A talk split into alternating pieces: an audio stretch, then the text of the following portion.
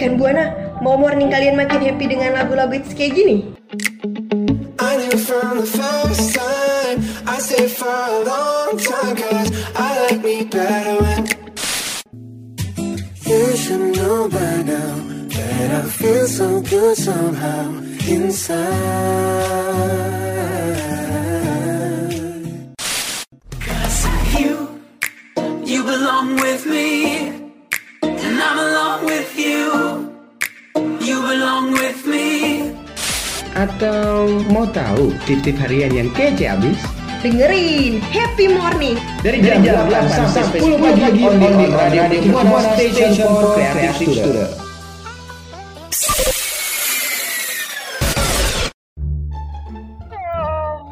Eh, pagi gini kok masih ngantuk? Ceria dong. Emang lo tahu pagi apa yang bikin ceria? Ya tahu dong, makanya dengerin Happy Morning. Pagi-pagi ceria, Paginya Happy Morning.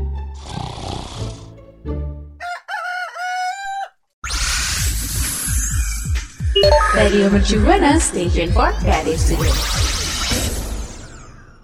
Radio Mercu Buana Station for Creative Student. Halo rekan Buana, selamat pagi. Happy banget nih sekarang happy morning di hari Rabu. Ini temani bareng gue Mia dan partner siaran gue Gilang nih. Yep, betul banget. Nah, eh, pagi ini yang cerah ya pastinya kita membuat rekan Buana biar paginya itu lebih positif vibe, lebih happy lagi ya. Dan sekali lagi gue Gilang dan Mia bakal ingetin rekan Buana buat cek Instagram kita di Radio Mercu Buana dan follow Twitter kita juga yang baru nih di Radio underscore UMB. Dan jangan lupa buat kalian cari artikel-artikel terbaru, informasi terbaru, kunjungi website kita di radio.mercubuana.ac.id. Rekan Buana, tadi yang udah disebutin Gilang di pagi yang cerah kayak gini nih.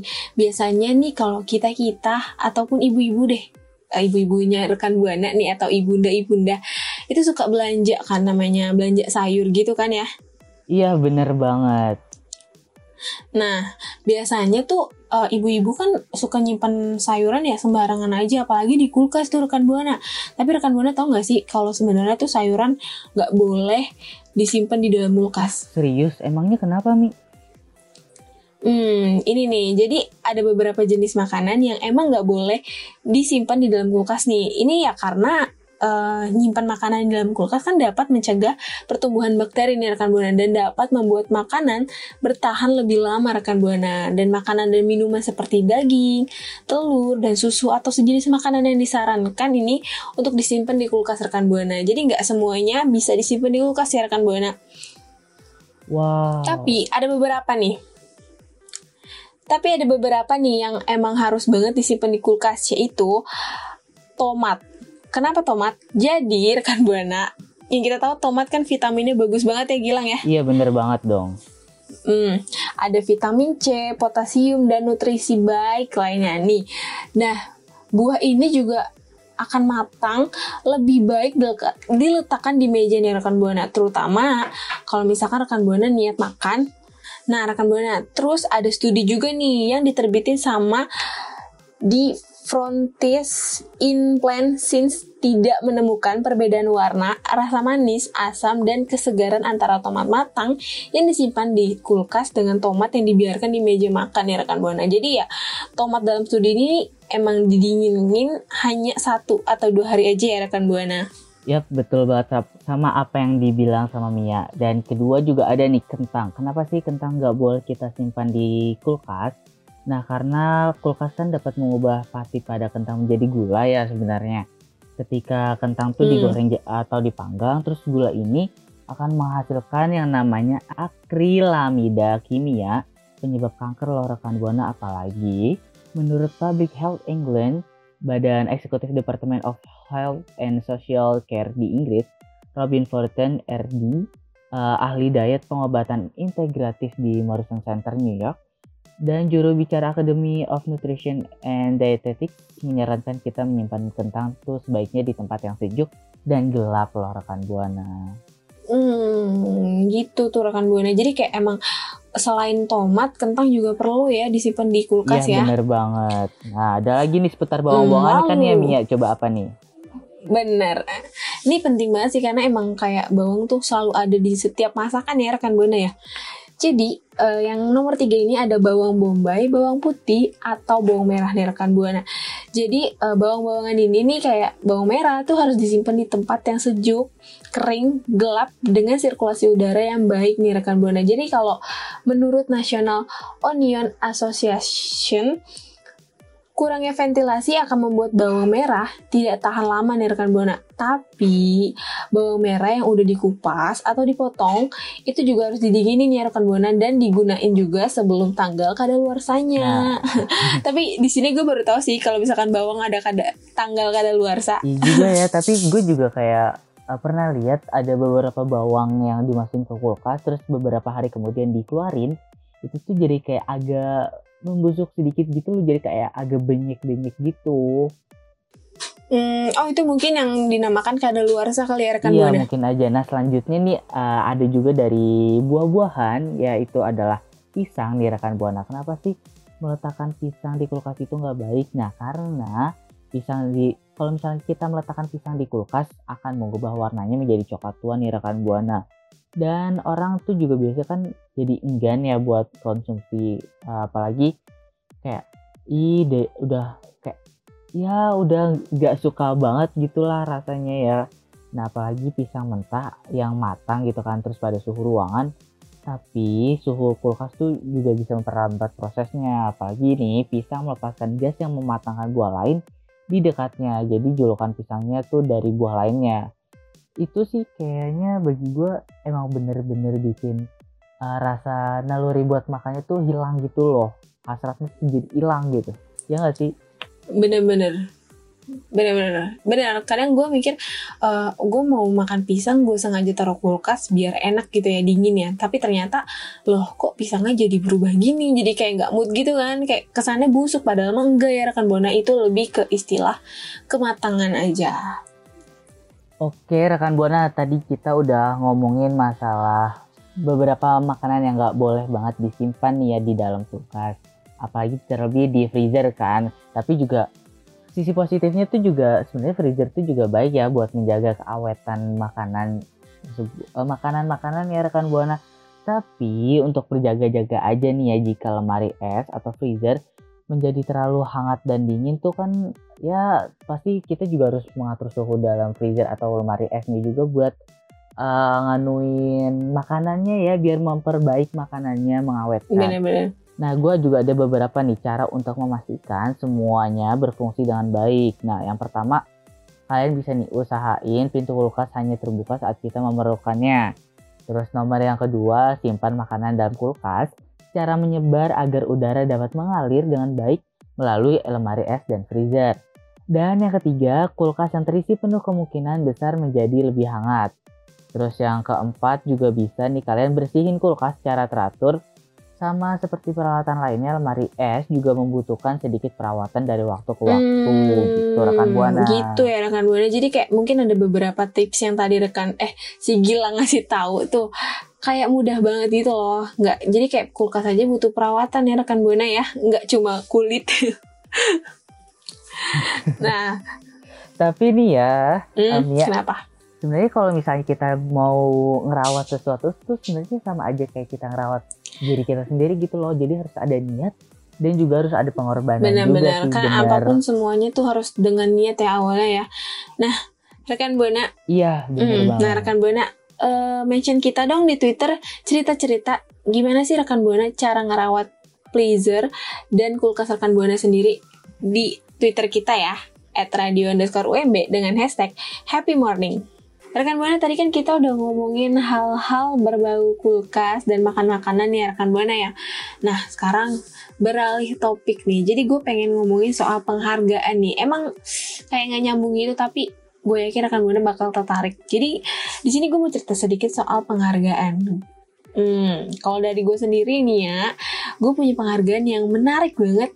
Jadi gue tuh pernah beradu acting sama Reza Rahardian siapa yang nggak kenal coba di salah satu teater gue jadi FYI aja nih rekan buana gue tuh dulu pas SMA anggota teater gitu rekan buana jadi gue kayak bergabung sama teater kelompok pojok di mana isinya itu adalah teater-teater senior yang eh gue lupa namanya siapa pokoknya ada pemeran yang emang sering banget kita lihat sebagai nenek-nenek yang kalau sekarang ya Wah, kalau ditanya soal penghargaan ya, gue juga ada penghargaan sih yang terbaik buat gue, yaitu adalah penghargaan di mana gue bisa mendapatkan hatinya si dia. Cie. hmm. ya balik balik balik ke topik balik ke topik balik Tapi ke rekan. Buana, nggak cuma gua atau Gilang, bahkan rekan Buana aja nih yang dapat penghargaan. Jadi ada yang dapat penghargaan yaitu adalah Bapak Gubernur kita nih yang dapat penghargaan Gubernur terpopuler di media digital 2020. Wow, selamat ya Bapak Anies Baswedan. Wah kalau kayak gitu emang bener salut banget sih gue sama Anies Baswedan Gubernur DKI Jakarta. Dan selain itu juga eh, Pemprov kita meraih eh, penghargaan pemerintah provinsi terpopuler di media digital 2020 nih rekan Buana apalagi. Dan kedua penghargaan tersebut didapatnya dalam eh, acara Anugerah Humas Indonesia. Dan itu eh, informasinya diunggah oleh Baswedan dalam akunnya di Instagram Anies Baswedan pada hari Kamis lalu Eh, dengan captionnya yaitu Alhamdulillah Pemprov DKI Jakarta menjadi pemenang Anugerah Humas Indonesia di kategori pemerintah provinsi terpopuler di media digital 2020 dan pemenang Anugerah Humas Indonesia kategori gubernur terpopuler di media digital 2020 gitu rekan buana caption di Instagramnya. Hmm, benar-benar. Jadi untuk rekan Buana, FYI aja nih kalau emang ada yang belum tahu apa sih Humas Indonesia itu. Jadi Anugerah Humas Indonesia atau AHI 2020 ini adalah kompetisi di mana kinerja humas pemerintah atau government public relation di kementerian, lembaga pemerintah daerah, BUMN, anak BUMN dan BUMD se-Indonesia. Jadi kayak AHI 2020 ini adalah barometer pencapaian tertinggi kinerja departemen, biro, atau bagian humas dinas kominfo. Jadi kayak keseluruhan penghargaan gitu rekan Buana yang berbasis penilaian jumlah ekspor positif tertinggi di media online gitu rekan Buana. Dan juga nih ya rekan Buana khusus kategori tersebut itu juga Humas Indonesia bekerja sama dengan KZ Digital Indonesia melakukan monitoring pemberitaan ratusan kementerian lembaga pemerintahan daerah BUMN hingga BUMD yaitu di 6.831 media online lokal lalu juga di 904 media online nasional terus ada di 2218 di media online internasional serta di media sosial sepanjang semester 1 Januari sampai 30 September 2020. Nah, rekan Buana, sekarang rekan Buana ceritain dong ke kita nih eh, penghargaan apa sih yang berkenan banget di eh, history rekan Buana semuanya. Mention kita ya di Twitter kita @radio underscore UMB dengan hashtag Happy Morning. Radio Mercubuana. Oke rekan Buana kan tadi udah ngomongin eh, ada beberapa penghargaan yang diraih oleh Bapak Anies Baswedan sendiri. Eh, dan juga nih ya selain itu Bapak Anies Baswedan ternyata juga DKI Jakarta mendapatkan penghargaan loh rekan Buana. Nah, Gubernur DKI Jakarta ini Anies Baswedan kembali mengumumkan penghargaan yang diraih oleh wilayahnya usai raih penghargaan transportasi berkelanjutan di kancah internasional. Wah, tepuk tangan dulu yuk. Ah, dan DKI Jakarta kini juga dikabarkan Anies Baswedan mendapatkan apresiasi untuk mengembangkan sistem informasi geospasial tingkat nasional. Dan penghargaan di bidang berpepetaan ini diserahkan Badan Informasi Geospasial atau BIG kepada Gubernur DKI Jakarta Anies Baswedan dalam gelaran Bumandala Award pada Jumat 27 November 2020 malam. Melalui uh, akun Instagramnya, Gubernur Anies Baswedan mengucapkan juga rasa syukurnya dan memaparkan apa yang yang membuat DKI Jakarta juga bisa kembali meraih penghargaan. Nah, uh, captionnya kayak gini nih rekan Buana. Alhamdulillah medali emas untuk DKI 17 Januari 2018 Pemprov DKI Jakarta meluncurkan sebuah program Jakarta 1 dari halaman akun Instagram Bapak Anies Baswedan pada hari Sabtu 28 November 2020 kemarin. Nah, itu. Jadi Gubernur Anies Baswedan update di akun Instagram tuh rekan Buana. Jadi menurutnya dengan sistem informasi data dan peta yang terintegrasi cukup mempermudah pengambilan keputusan di wilayah DKI Jakarta nih rekan Buana. Jadi ada dua yang diraih oleh DKI Jakarta dalam acara BIG tersebut nih rekan Buana, yaitu uh, Bu Mandala, Kanaka, dan Kencana untuk kategori provinsi. Keren banget ya rekan Buana. Dan Kanaka ini adalah merupakan medali emas loh rekan Buana dalam pengembangan sistem informasi geospasial. Hmm, udah medali emas menang provinsi. Keren banget ya rekan Buana. Jadi sedangkan untuk Kencana adalah penghargaan untuk situs geoportal terbaik nih rekan Buana. Yuk kita kasih ucapan selamat untuk Bapak Anies dan kita nih untuk warga DKI Jakarta. Ya bener banget yuk rekan Buana kita mari bersama-sama untuk mengucapkan selamat kepada Bapak Anies dan Jakarta kita yang terlebih juga kita juga sebagai uh, masyarakatnya juga ikut berbangga ya dengan penghargaan-penghargaan tersebut. Semoga uh, penghargaan tersebut tidak beralih kepada yang lain. Semoga tetap kita dengan menjaganya terus ya rekan Buana. Dan untuk rekan Buana yang masih kepo nih sama penghargaan penghargaan yang dibuat atau didapat oleh Bapak Anies, uh, coba deh kalian uh, cek di halaman Instagramnya Bapak Anies sendiri. Dan juga lebih afdolnya nih ya rekan Buana, bisa juga rekan Buana itu cek-cek di sosial media kita biar juga update nih. Eh, yang pastinya di Twitter di radio underscore UMB dan juga di Instagram kita di Radio Mercu Buana.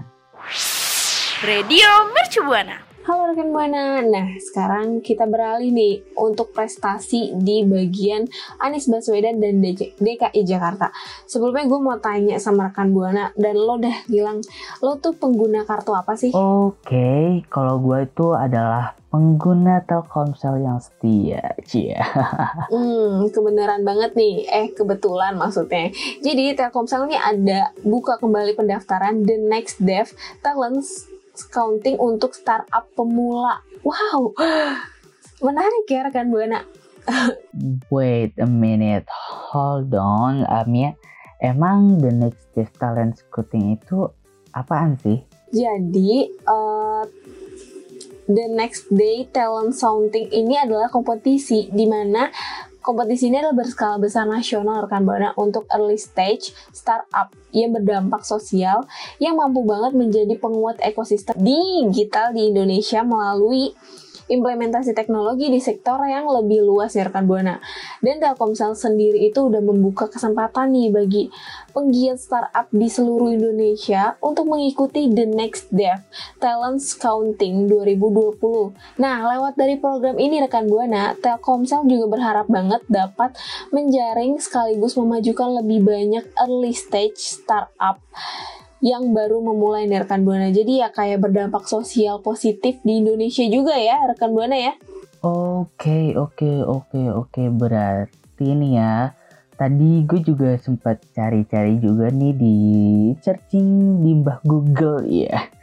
Jadi Telkomsel ini juga berharap buat mendapatkan jaringan sekaligus memajukan lebih banyak early stage startup juga ya rekan Buana apalagi yang berdampak positif gitu, sosial positif di Indonesia dan juga um, bagian upaya Telkomsel di dalam pengembangan ekosistem digital yang inklusif dan berkelanjutan di Indonesia. Hal itu tertutur dari VP Corpcom Telkomsel yaitu Bapak Denny Abidin dalam keterangannya tertulis yang diterima.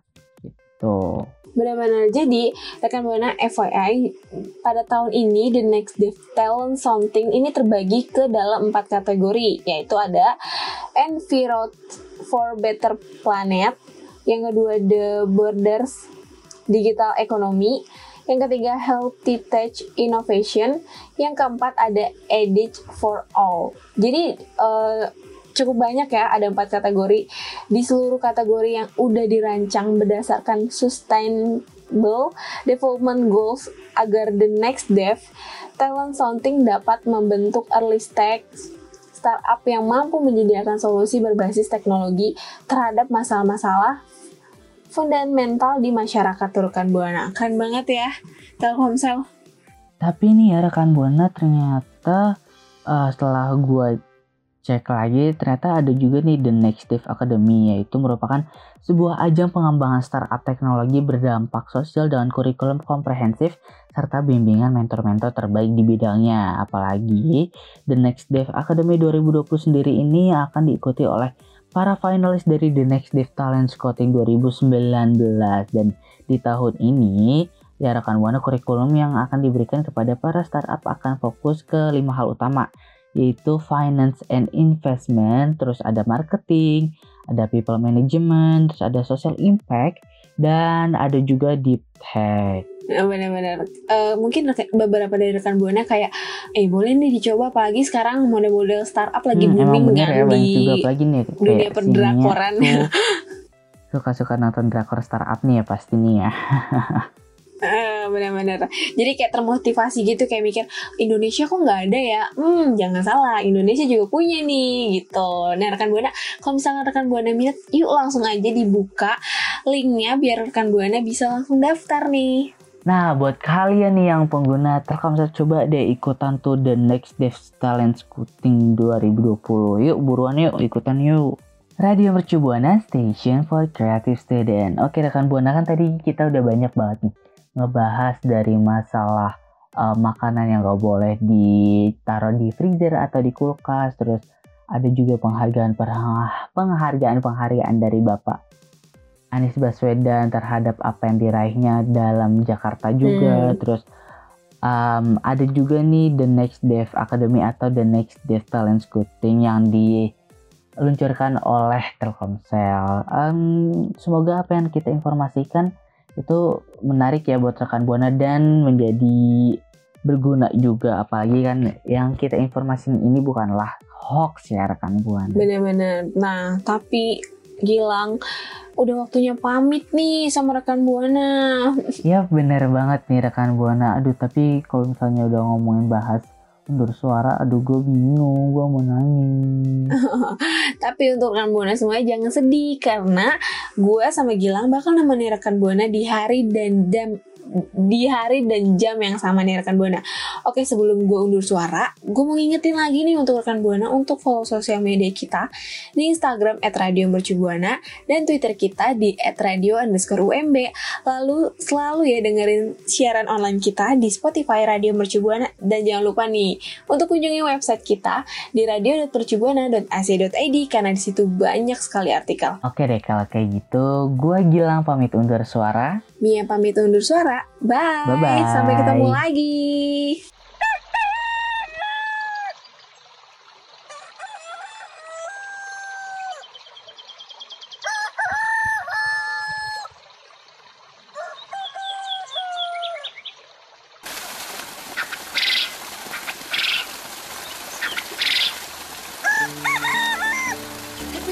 sudah menemani kamu setiap Senin sampai Jumat jam 8 sampai jam 10 pagi streaming on radio.mercubuana.ac.id slash streaming.